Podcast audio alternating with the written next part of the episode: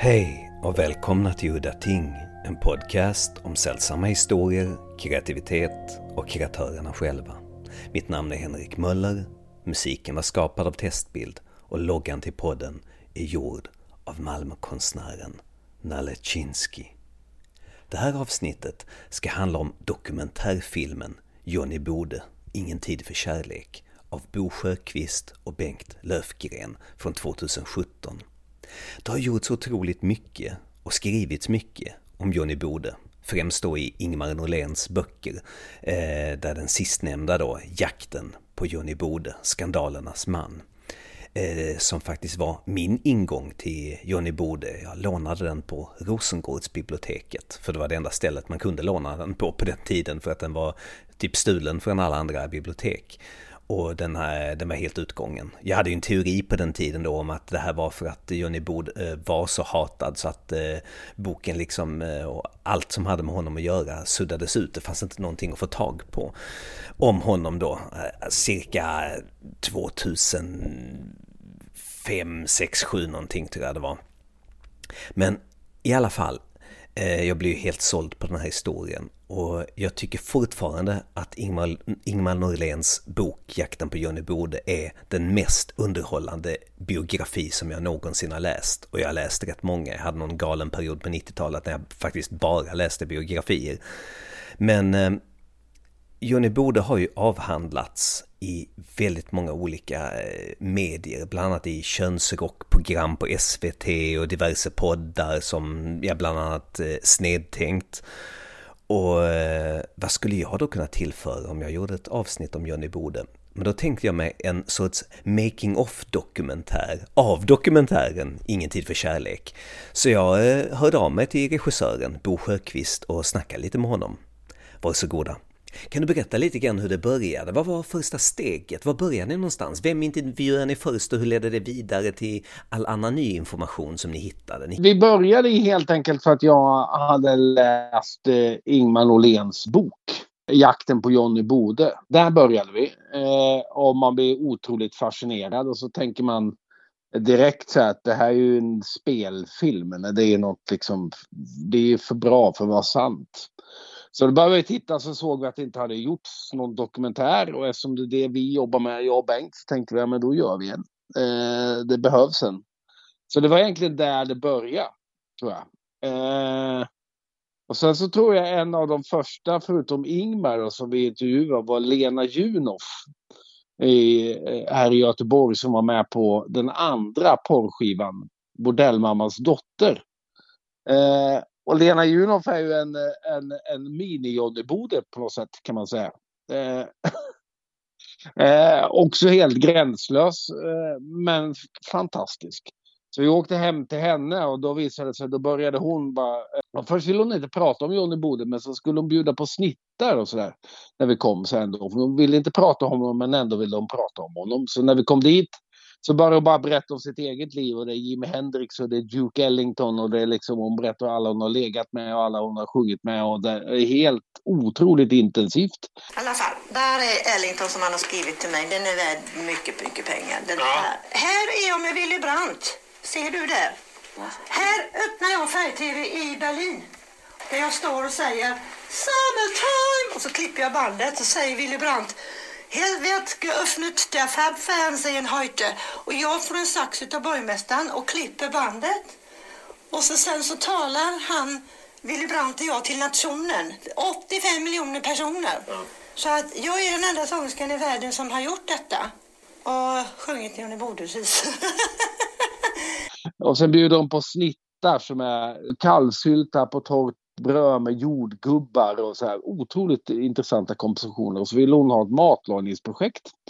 Eh, så då började vi göra en, eh, gjorde vi en, eh, då blev det ett projekt Juno först. Faktiskt. Som blev en liten kortfilm och en, och en kokbok tillsammans med Pontus Lundqvist. Finns den boken kvar att köpa? Ja, ja den finns. Den Primadonna från Hisingen heter den. Det, det är världens första självbiografiska seriekokbok. Ja, men det var hon hade, ja men hon, hon ville göra, hon gav de här, eh, gav oss de här snittarna. Eh, som var helt förskräckliga och något hemgjort te som hon hade gjort. Och så sa hon att alla andra så tycker att jag lagar jättedålig mat. Men det gör jag inte. Jag lagar jättebra mat. Jag borde ha ett eget, ett eget mathållningsprogram Som är en slags, som är där jag pratar med kändisar och så gör vi olika maträtter ihop. Till exempel Håkan Hellström. Och sen så skulle hon skaffa olika kändisar så vi gjorde ett, en, en pilot för ett matlagning eh, med henne. Som blev helt... Nej, det blev inga gäster utan det blev hennes kompisar från gården så, som kom upp. Men det blev väldigt roligt. Eh, jag är otroligt intresserad efter vad fan gör vi med det här? Så då gjorde jag en radiodokumentär först och sen så gjorde Pontus och jag den här kokboken och sen så blev det en liten film också. Men i det här så var det, det var nästan den första personen vi intervjuade om Johnny Bode. Och då blev det så tokigt så att det blev väldigt roligt. Så man tänkte att vi måste fortsätta. Så vi gjorde de här grejerna parallellt också. Eh, det tar ju så lång tid alltid. Eh, så sen höll vi på så nystade vi, nystade vi det svåra var ju att hitta, hitta människor. Så, för att väldigt många var ju, hans egen generation var ju redan döda. Så man var tvungen att liksom försöka lösa de här tidiga grejerna så där, när han var eh, ja, men 20 och 30-tal och 40-tal och så. Ja men så började vi. Det var, jag tror faktiskt det var Lena Juno som fick oss känna att det fanns energi i det här projektet. Vi försökte få ta med Gösta Ekman, kände jag honom. Gösta Ekman den yngre, han försökte vi, han var med ett tag men sen så nästa gång jag ringde honom då var han jättearg och slängde på luren. Eh, så att han ville inte vara med. Eh, för han kände ju honom genom sin pappa. Eh, Hasse Ekman som var god vän med, med Johnny Bode på 30-talet var det väl, 20-30-talet. Eh, och sen så gjorde han sig ovän genom att stjäla silver för Gösta Ekman och blev eh, ja, omöjlig i hela Stockholms nöjesvärld. Uh, Hasse Ekman gjorde ju senare en nidbild av Johnny Bode i Flickan med hyacint heter den va? Eh, hans storfilm. Jag kallade honom för äckel. Men uh, så, så, han ville inte vara med och vi ringde också till olika sådana här. Det fanns fortfarande några vid livet som var barndomskompisar som heller inte ville vara med. Man måste förstå att Johnny Bode var ju en fan terrible. Det var ingen som man ville befatta sig med. Sådär. Men sen så hade vi med också, det vi gjorde mycket, vi hade ju John, en av de roliga personerna som också gav, som gav, som jag tycker faktiskt gav eh, energi åt det, det var hans advokat, Hans-Erik Krokstäder tror jag, har för mig att han hette, från Malmö. Eh, ja, jag tror, jag kommer inte ens ihåg om han ens är med i filmen, men han var väldigt rolig, ganska stor. Han är väl den enda advokaten, en av få advokater som blivit av med sin advokatlicens. Eh, Han var också, han var Johnny Bodes advokat under många år. Han berättade väldigt många historier om, om hur han har följt Johnny Bode till olika bordeller i Malmö och sånt där och väntat utanför. Och så. Eh, men han också, han gjorde, det gjorde han väldigt roligt en gång. Vi, vi premiärvisade filmen hos Valle Westesson i Malmö på Blå båten några gånger. Och på någon av de där visningarna så kom Hans-Erik Krokstäd och då sätter han sig liksom. Han har väldigt så här stora engelska jättebuskiga 1800-tals liksom eh, mustascher så här. Som är jättestora och han har liksom sån typ tweedkavaj och, och ganska stor. Och så kommer han och så, så sätter han sig liksom så ser det ut för alla som sitter i lokalen, ser det ut som att han lägger sig ner på scenen. Det gör han inte, man sätter sig. Men alla tänker det kommer upp en farbror och han lägger sig och så börjar han berätta väldigt mycket om hur Johnny Bode gick till olika prostituerade. Det var en otroligt eh, märklig scen. Men han var väldigt rolig. Han gav massa kassetter och sånt där också. Men annars var ju Ingmar Norlén var ju väldigt viktig. Man får ju inte eh, glömma Ingmar Norlén eh, som har skrivit de här eh, två böcker. En tillsammans med Bengt Nyqvist och en själv som är ju en, liksom en utbrodering av den första. Eh, jakten på Johnny Bode. Ja, han var ju också väldigt rolig för att han älskade ju Johnny Bode väldigt mycket så att han tyckte det var väldigt roligt att prata om honom. Och så var han ju också rätt rolig så att det gick att bygga scener med honom. Alltså jag kommer ihåg att jag åkte upp dit först en gång. Eh, det finns en scen i den här filmen som är ganska central där jag sitter och super med, med, med Ingmar Norlén. Eh, och, det, och den gjordes, det gjorde första gången när jag skulle fråga honom om vi kunde använda hans material och, och få, få tillgång till allting han hade. Sådär. Så åkte jag upp till honom och då pratade vi med Jodebod och då utspelar sig den här scenen. Då bjuder han just på Jodebodes favoritmat rotmos och fläsklägg och så eh, dricker vi liksom eh, dricker vi sprit och, och lättöl. Eh, och har en ja, otroligt trevlig kväll som blev väldigt blöt. Eh, och sen så, sen så liksom så återupprepar vi den här i, i vi, vi gör om den helt enkelt i filmen sen. När vi super till. Men han var väldigt central och det var också en sån där grej som var central. Att när jag åkte upp dit och, för att träffa honom och så, så utspelade sig det här så tänkte jag men det här kan vi ju använda. För, eh, för det var ganska tydligt klart från början att jag var tvungen, att vi var tvungen, jag och Bengt var tvungna att använda, använda mig som någon slags motor eftersom det finns väldigt lite filmmaterial, det finns väldigt lite bilder. Det finns väldigt lite folk som känner honom sen gammalt så att man måste göra det, för att få energi i det så får man göra det på ett annat sätt. Kan du berätta lite mer om Ingmar Norlén? Han är ju spännande. Han var ju den som, eh, att, nej det gjorde han inte, men han, han, han träffade honom och intervjuade honom. Och så var det ju han som också som, eh, han ägnade typ hela sitt liv åt att gräva upp hela den här historien. Så att liksom, sen så har ju vi fortsatt att gräva och hittat andra grejer och sådär. Men det första grundgrävandet, det var liksom, det var det ju han som gjorde. Eh, och han var ju väldigt så här eh, eh manisk och gillade olika små liksom kultfigurer och sånt där. Så att han, eh, han har gjort en stor grej för Johnny Bode. Men sen så är det viktigaste vi fick tag på också ganska snabbt. Det var ju eh, det var ju, oj nu får jag eh, hjärnsläpp. Eh, vad, vad, heter hon, sångerskan från Malmö? Lillemor Dahlqvist. Och hon var ju helt, hon var helt central för historien. För att hon, för att hon kände honom så nära och tyckte om honom och också hade en personlig förlust i det hela. Dels var han en vän som, liksom, eh, som hon tyckte väldigt mycket om av liksom olika anledningar och sen som att hon också eh, blev lurad utav honom och blev liksom sårad och sen så tog hon hand om honom ändå ända fram tills han dog. Så att hon hade ju ett nära, nära relation med honom som kunde också gestalta hans dubbelpersonlighet. Sådär. Och hon hade ju också ett sätt att, att förhålla sig till honom som kunde beskriva honom ganska bra. Så hade inte hon velat vara med, då hade det nog inte blivit så bra tror jag. För hon var väldigt viktig för att liksom, ja, men fånga personen. Det är ju intressant med Lillemor och, och Janne Bode, det var ju att de båda var ju liksom också homosexuella. Så. Och det var ju där de möttes någonstans. Eh, eller båda homosexuella, var de inte alls, eller båda bisexuella eller någon annan liksom, sexuell preferens överhuvudtaget.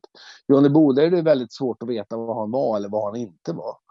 Eh, men det var ju mycket där, och hon beskrev ju också många så här hur, han, eh, hur de åkte till Köpenhamn och hur han liksom brukade klä ut sig på olika ställen och så här. Eh, han draggade och, och, var ganska rolig. Liksom det var ju det, det var ju liksom en ganska, det här är 80-talet, jag vet inte hur det var, jag tror att Malmö var väl ännu liksom hårdare än resten av Sverige nästan. Det var ju ganska grått och ganska liksom och hårt liksom. Om det var, om det var, om det var av en annan läggning. Så de hittade ju varandra i det där. Och någon slags liksom frihet som de hittade med varandra tycker jag. Men, men sen så var ju Lillemor var ju väldigt så här Lillemor är ju en fantastisk person men hon är också väldigt eh, och hon kan ju också vara väldigt hård. Vi, vi gjorde en av de första inspelningarna var när Johnny Bode-sällskapet gjorde en firade Johnny Bodes 100-årsjubileum. Så firade de det här i Göteborg, så gjorde de en jättestor fest och då uppträdde bland annat Lillemor Dahlqvist och Lena Junoff. Eh, och de klickade inte eh, helt riktigt. För Lena Junoff är så otroligt exklusivt och pratar ofantligt mycket och tar väldigt mycket plats. Så då blev det en beef där, där Lillemor Dahlqvist vägrade dela lås med Lena Junoff. Det var roligt. Där får man ju också välja. Vilket spår. I filmen är inte Lena Junoff med överhuvudtaget till exempel. Eh, för, för att hon får inte plats. Hon får inte liksom, eh, hon tar över. Hon tog över för mycket. För att hon, när hon börjar berätta, då berättar hon helt krokigt och det är otroligt mycket energi och det far åt all håll, vilket är fantastiskt. Men om man sätter in det i någonting annat så tar hon liksom över allting och det är därför folk har så svårt för henne att göra. För att hon tar över. Och så var det i den här filmen också. Utan då fick man liksom ta, då får vi ta Lillemor. Och sen så blir ju Johnny Bode det som är det svåra med Johnny Bode om du ska göra någonting med honom och varför det inte har blivit någonting av, av så väldigt mycket. Jag pratade med några också som höll på, som jag vet, en snubbe som på SVT länge satt och höll på med ett manus. Det några som gjorde, de jobbade med det länge för att de skulle göra en tv-serie utav det. Men så sa han, det var så jävla svårt för att det går liksom inte att greppa hans liv. När du radar alla de här grejerna. Och grejen är att hela grejen med Johnny Bode är ju att, hans, att det är det massiva som är, som är det intressanta med honom. Alltså det är ju det här att det är så helt tokigt för att han hinner med så mycket och, och så dessutom eh, som eh, han bara förstör för sig själv om och om och om igen och så lyckas han ta sig upp och så förstör han och så lyckas han ta sig upp och så förstör han. Och så samtidigt på det så ljuger han hela tiden. Han behöver ju inte ljuga för det är ju helt tokigt som det är. Men så ljuger han jättemycket. Och, och den här massiva grejen, det är ju det som är så roligt. Men när man ska liksom få det på print på något sätt eller när du ska göra någonting av det så blir du helt... Eh, han bara försvinner. Alltså vem är Johnny Bode? Sådär. Eh, det är så svårt att fånga den personen på något sätt. Eh, så att det var ju det som var liksom den, den, stora, den, den, stora utmaningen när man skulle göra den där filmen. Det var ju liksom att få, att få, få, få tag på kärnan på något sätt. Och då, då var man tvungen också att ibland försöka tona ner, vilket jag egentligen inte tycker om, men, men man måste tona ner andra människor, man måste tona ner saker och försöka göra det liksom allvarligt eller att andra människor framstår som väldigt normala. Som berättar om till en viss del i alla fall. Och så får man liksom skruva upp det med scener och sånt där. Men att det finns någon typ av liksom allvar kring det, få ta på dem. Och där var just Lillemo ganska viktigt att det var liksom en, att hon blev väldigt seriös. Så var de andra, vi var ju också i Wien eh, och hälsade på Doblinger. Eh, och den där Dobling är ett jätteanrikt för, förlag i Wien som gett ut liksom mycket operetter. Så här, operetten var ju svinstor fram till andra världskriget ungefär. Sen efteråt så tog ju eh, så tog, eh, vad hette det, eh, musikalen över. När amerikaniserades så musikalen blev den stora och Dobling höll på vad fan ska vi göra? Och, och då Johnny Boda hade gjort sig helt omöjlig i Sverige för jag vet inte vilken gång i ordningen och flydde eftersom han var, han var ju hela tiden efterspanad av Säpo. Men nu letade polisen efter honom eftersom han svindlat en blind massör på pengar. Så då så försvann han först till Österrike tror jag, eller, eller till Belgien tror jag, eller, vi, eller Schweiz eller vad det var. Sen så hamnade han i Wien Eh, och där lyckades han liksom sin vana trogen lyssna upp det bästa stället eh, för hans typ av musik och det var ju Doblinger. Då kom han rakt liksom precis, de letade som fan efter någon som skulle kunna hjälpa dem att göra eh, operetten, Wieneroperetten stor igen. Så då började han liksom skriva och visa grejer och de tyckte han var fantastisk och han visade sin bästa sida. Så, där. så tog han ner Jules Sylvain, den svenska liksom, schlagerkompositören och så gjorde de en operett som blev jättestor och gick jättebra. Kindly Sight för Liebe. Men, men där blev det också sen, och han blev ju vän med de här. Han blev ju väldigt, väldigt liksom, nästan in i den här familjen. Och, de anförtrodde honom och med massa grejer. Men sen efter ett tag när allting började spåra som det gjorde som vanligt och han började liksom eh, gå på horhus och skicka räkningar och höll jättekonstiga räkningar till dem och gjorde av med alla deras pengar och, och vad hette det och, och, och gjorde jättekonstiga eh, press, eh, presskonferenser och sådär där han, där han höll hov. Men det var väl där han sabbade allting i en sån där presskonferens genom att han plötsligt påstod att det var han som hade skrivit något känt stycke av Richard Strauss. Kanske sämsta stället i världen att ljuga om det just i, i Wien då. Ja, precis. Och, när han började göra det och liksom han löpte totalt totalt amok och han hamnade i slagsmål, han hamnade i fängelse och sådär. Det blev ju som en, en personlig tragedi för dem. Eh, eh, och de berättade och visade brev och grejer Eh, och, och, han som var chef då, han jag träffade, hans pappa var chef på den tiden. Eh, och han liksom, han blev så förkrossad så att de fick inte, Johnny Bode var liksom helt tabu. Man fick inte sälja eller sälja hans noter, man fick inte göra någonting med hans musik utan det skulle begravas i arkiven och det skulle aldrig tas upp. Så och då hade ju de satsat rätt mycket pengar då, för när du gör för ett förlag som det var på den tiden så lever du ju sen på att folk ska spela den här musikalen om och om igen. Eh, eller använda musiken och att den ska liksom användas. Det är det de, de tänker ju att det här kommer vi spela in på 20-30 år. Utan det är liksom en långsiktig sådär. Men i det här fallet var det så att det blev så otroligt eh, eh, personligt och, och, drabbande så att det var, en skulle aldrig tas upp ur den där. Eh, eh, det, det var också en sån ganska ganska viktig, men han var också en viktig figur för han var också så väldigt fin.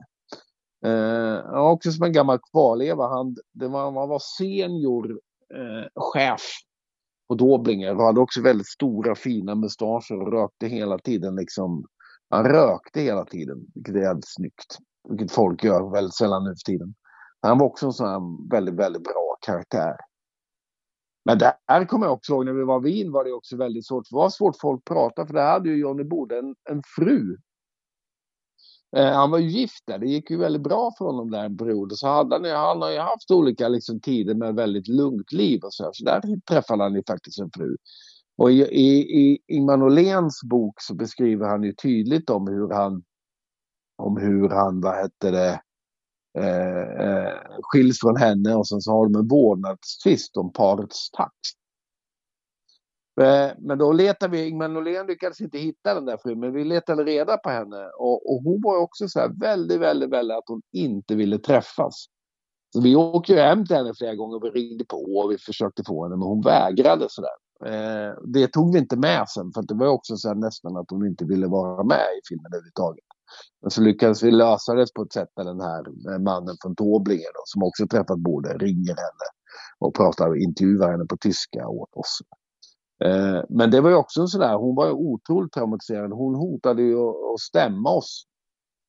Eh, hon hotade att skicka polisen på oss och hotade att stämma oss för att hon liksom ville inte prata om Jollebordet. Det är också en sån där grej som var ganska bra. Att var, eh, hon var ju gammal, hon var ju 90 år, men för henne var det ju otroligt eh, traumatiserande. Och hon berättade ju då att det där med det, vi hade ju absolut ingen tax. Men däremot så berättade hon att hon, hon hade följt med honom till Malmö eh, eller till Köpenhamn. Det var någon, någon fot, stor jävla fotbollsmatch. Jag tror det var Köpenhamn, om det var något EM eller någonting. För han älskade fotboll, Johnny Bode också. Så, så var de där och sen så ville han sticka ut med några andra tjejer som han hade träffat. Så drogade han henne på hotellrummet så att hon slocknade och så stack han ut och sen så liksom missade de flyg och massa grejer. Så att han var ju väldigt, han var ju eh, han var ju ingen, eh, han var ju ingen vidare snäll person sådär. Var han inte. Och för henne var han ju trauma.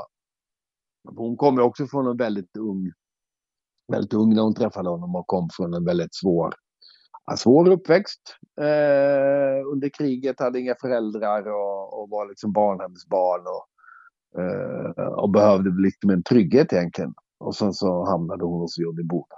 Jag är intresserad av det här med Malmö, som du vet. Han var ju runt över hela Sverige och stora delar av världen, men ändå så var det i Malmö som han spenderade flest år och där i korsningen, Fågelbacksgatan, Tärningholmsgatan i Slottstaden, där han slutade sina dagar. Hur kom det sig att det var just Malmö som han stannade kvar så länge i? Ja, men Johnny Bode var ju helt jävla rökt. När han kommer från Wien, då, då blir han utvisad från fjärde gången. Då har han liksom spårat helt. Han har liksom gått i mängder med prostituerade, tagit upp dem på Dobliges kontor, gått på bordeller, och haft stora fester och eh, bokat ett helt lyxhotell där han inhyst kreti och pleti och så har han skickat räkningarna till Doblinger och så, så polisanmäler de honom och Eh, han liksom, han flyr helt enkelt från Wien. Han får en stor jävla fet smäll av någon och sen flyr han från Wien. Liksom. Och då kommer, och det, det, som händer är ju att han har ett skov. För att han är ju, han är ju, idag skulle han ju få diagnosen bipolär och ganska gravt. Han går ju upp och ner hela tiden. Så att han har ju ett, och, och han får, har ju han har ju massa olika diagnoser. Men bipolariteten spelar nog en stor roll. Så där har han ett maniskt skov. Så då hamnar han, hamnar han i, i, i Sverige. Han försöker i Stockholm ett tag. Men där är han också helt, helt rökt. Det är ingen som vill ta i honom med tång.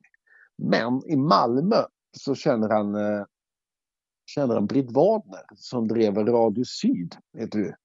På den tiden som han har gått i skola med i Stockholm. De är gamla skolkamrater. Och hon är väl en eh, uppenbarligen en ganska frisinnad och frejdig person som tänker att jag kan hjälpa Johnny. Så att då får han komma till Malmö så får han liksom jobba på, nu förenklar vi historien lite, men då får han liksom jobba på, på Radio Syd genom att spela piano. Och kompa och, och ha lite nummer och sådär. Liksom. Han åker ut på den där båten och jobbar lite och där hamnar han i Malmö. Eh, och så börjar han liksom skaffa han sig en lägenhet, men han spårar ju också hela tiden där. Han, han tar ju bland annat hennes och klär ut sig till hennes, han snor ju hennes kläder, Britt Warners. Eh, och klär ut sig till eh, Florence och Stevens från Huseby. Som var på, som var, som var på tapeten då, som var också en stackars kvinna som blev, eh, som blev sol och vårad kan man ju säga. Och nästan blev av med hela sitt gods. Och vad skrevs jättemycket om. Och henne klädde han ut sig till och åkte till Danmark. Som så, eh, så han spårade väldigt mycket och stal från henne också. Eh, och sen så hamnade han i Malmö, men han nästlade sig in hela tiden. Han skaffade sig ett jobb på Danmarksbåtarna där han sitter och spelar piano. Eh, när folk turar och dricker sprit så sitter han och, och är barpianist och dricker också jättemycket sprit.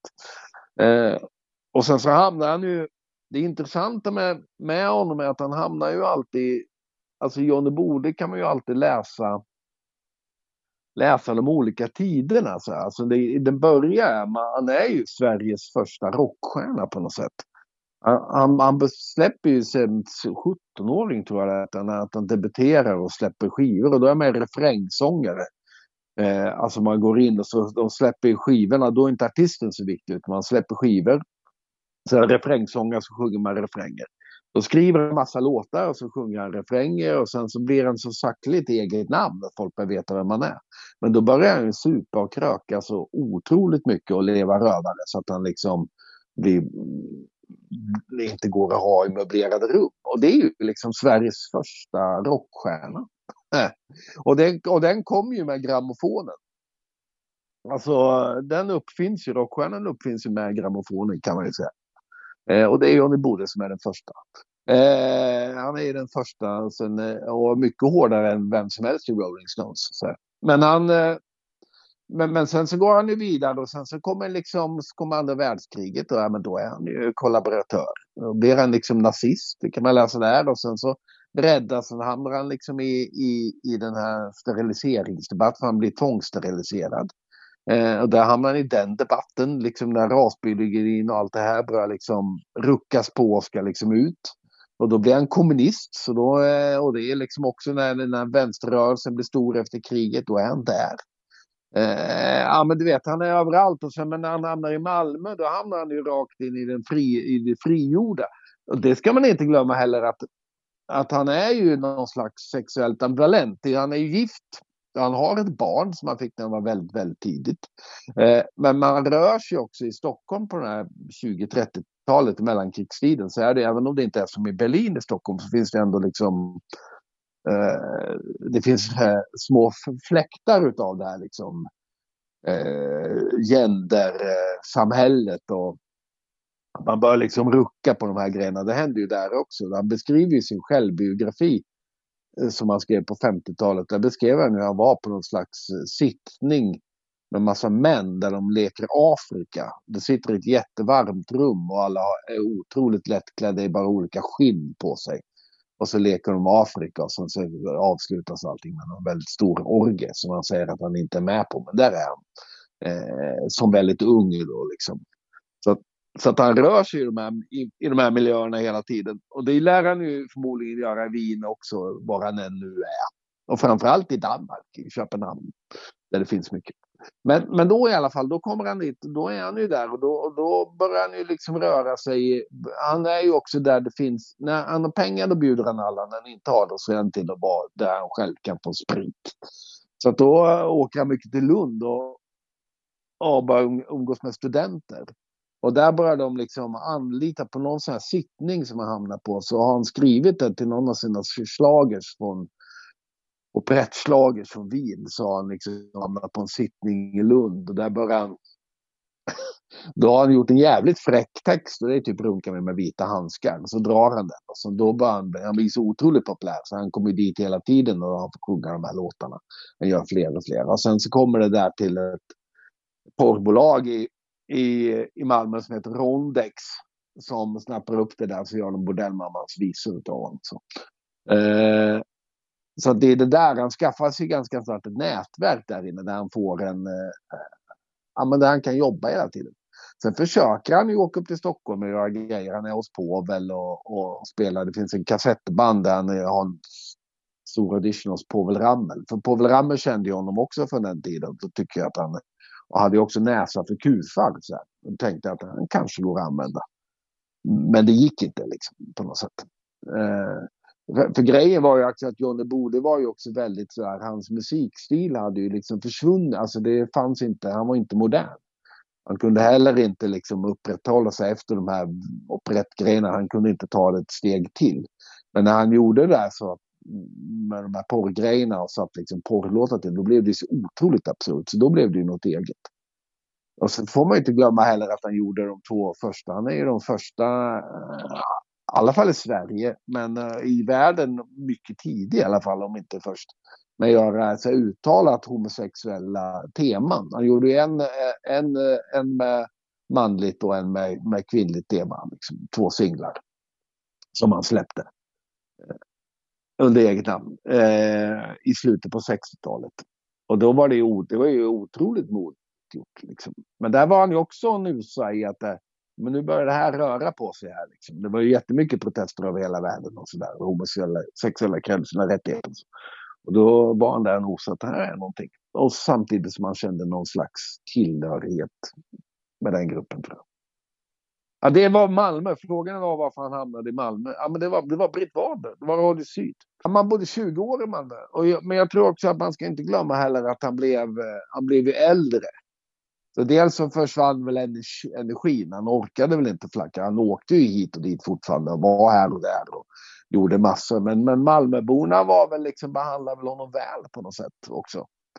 Eh, jag tror att Stockholm var helt rökt, säkert Göteborg. Så han har ju varit i Göteborg också och liksom blivit eh, persona non grata. Där fanns det ingen plats, men det var väl på något sätt att Malmöborna gillade honom. Jag tror det var mycket Britt Bader att han kom in där. Och sen att han blev gammal, att han vad hette det, inte orkade längre. Jag tror att det blev liksom värdefullt att ha en lägenhet och eh, någon typ av trygghet och sådär. Johnny Bode sågs även i Malmö som en otroligt suspekt jävla gubbe. Men det som ett fyllo skulle jag nog tänka mig att han sågs ganska många gånger. För det var ju också det han var liksom på något sätt. Så att han var ju inte, han stod ju inte högt i rang och sådär. Utan han var en sån här liksom gubbe som nästlade sig in överallt eller var konstiga grejer. Men det är så här om, om, om man är ute liksom hela tiden. Eh, alltså är du en person som jämt är ute och är ute på krogen och du rör dig i svängen då händer det ju konstiga saker. Alltså det är också i sin natur på något sätt. Alltså folk som krökar mycket eller knarkar mycket och är väldigt mycket ute, de, de upplever också väldigt mycket konstiga saker på något sätt. För att de rör sig i en värld som är helt uppluckrad på något sätt. Och så var det ju för honom också. Om man träffar andra människor som har liksom druckit en 70 under samma kväll eller dragit i sig olika preparat och sådär. Så att då, händer, då händer det ju saker. Men under vissa tider var han ju också, han hade ju lägenheter och sådär i Malmö där han var väldigt, eh, där det, alltså det var ju otroligt sunkigt liksom. Han luktade illa och, och, det var liksom inte bra. Så det gick också i olika perioder var han, han var i, sitt sjuk, i, i sin sjukdom. Men när han bodde i Malmö så åkte han ju också ut och in på olika institutioner hela tiden. Han var ju på psyk väldigt mycket som hade kommit då. Så att han åkte fram och tillbaka. Och sen så tror jag att det var så, nu är jag inte helt säker, men jag antar att det var så, så att det faktiskt också fick medicin efter ett tag. Så att det kanske lugnade ner sig lite också. Så, små, så småningom. Och de sista åren som han var så var han ju väldigt, eh, de sista fem åren så var han ju sjuk. Alltså han var jättestet. Eh, på slutet kom han ju inte ut ur sin lägenhet och sådär. Han hade ont i knäna och kunde inte röra sig och så. Ja, men Lillemor var ju med honom jättemycket och pratade ju med honom och, och hjälpte honom och tog hand om honom. Och så där. Det var ett väldigt förfall. Han kunde ju inte någonting. Eh, så att de försökte göra kakor. Och han älskade ju kakor. Han älskade ju allting som var gott. Liksom. Så att de försökte göra saker som inte hade socker i. Så här, men det sket han i. Och hällde i massa själv och så. Ja, han var ju väldigt så här, han, han, kunde inte ta sig ut. För först bodde han, tror jag, de var på två trappor upp. Så här, eller om det var tre, två trappor upp bara. Och sen så lyckades han få en lägenhet på den första trappan där nere. Men då var han så, eh, långt gången så han kom inte ut därifrån heller. Utan han var ju... Han var ju en väldigt ensam människa. Den enda han hade som ju tog hand om honom var ju i stort sett var ju lillemor. Hon blev ju hans, eh, hans eh, ja, men den som, som brydde sig om honom. Det är också det som var ganska fint med henne för att hon var ju också eh, hon hade ju också blivit lurad av honom och han hade ju mer eller mindre, men åtminstone påverkat till att, liksom, att, eh, att hon inte gjorde en karriär. Sen vet man inte om det hade blivit så i alla fall. Men eh, tack vare att han spred ut, hon sjöng ju på de här bordellmammans visor. Och sen så spred jag, han lovade att vi inte skulle säga att det var hon och så gjorde han det i alla fall. Det var ju det här en tid där folk höll på med sånt. Det var ju gladporr och så att det var ju liksom, det fanns en men det var ändå så här, den var ju så otroligt explicit. Den var ju så jävla grov liksom. Så att det var inte bra. Så att när, när det kom ut att det var hon, då fick hon ju inga engagemang. Och, och de drog in gig åt henne och sådär. Så, så bara rann det ut, för hon var ju på väg uppåt. Du sa något där om eh, att det var ett plus att intervjua äldre människor. Nej, men när man ska intervjua människor så kan det vara bra att hitta dem precis vid senilitetens rand men så här, när folk börjar bli gamla, så här, så för, det finns en period där in, innan man börjar tappa det, men när man då tänker att äh, vad fan, det är inte så jävla viktigt där. Du vet, när folk blir äldre ska man, finns det en, ett lopp av några år då man bara tänker äh. Och så är de ganska roliga för att de liksom, det händer någonting, man, man släpper mer. Liksom. Man håller inte igen och är så pryd och korrekt och så här, utan man bara berättar lite som det är. Liksom. Då, då brukar det vara bäst att intervjua folk. Så här i retrospektiv, finns det någonting i dokumentären som du önskade att du hade fått med eller någonting som du skulle vilja göra annorlunda? Ja, vi, skulle haft, vi skulle haft en annan titel. Vi skulle kallat den Runka med, med vita handskar på. Det, det ångrar mig. Vi kallade den Ingen tid för kärlek för att vi tyckte att det, det var hans vinoperett och att det också säger väldigt mycket om honom. Men den skulle, vi skulle haft en vulgärare titel. Tycker jag.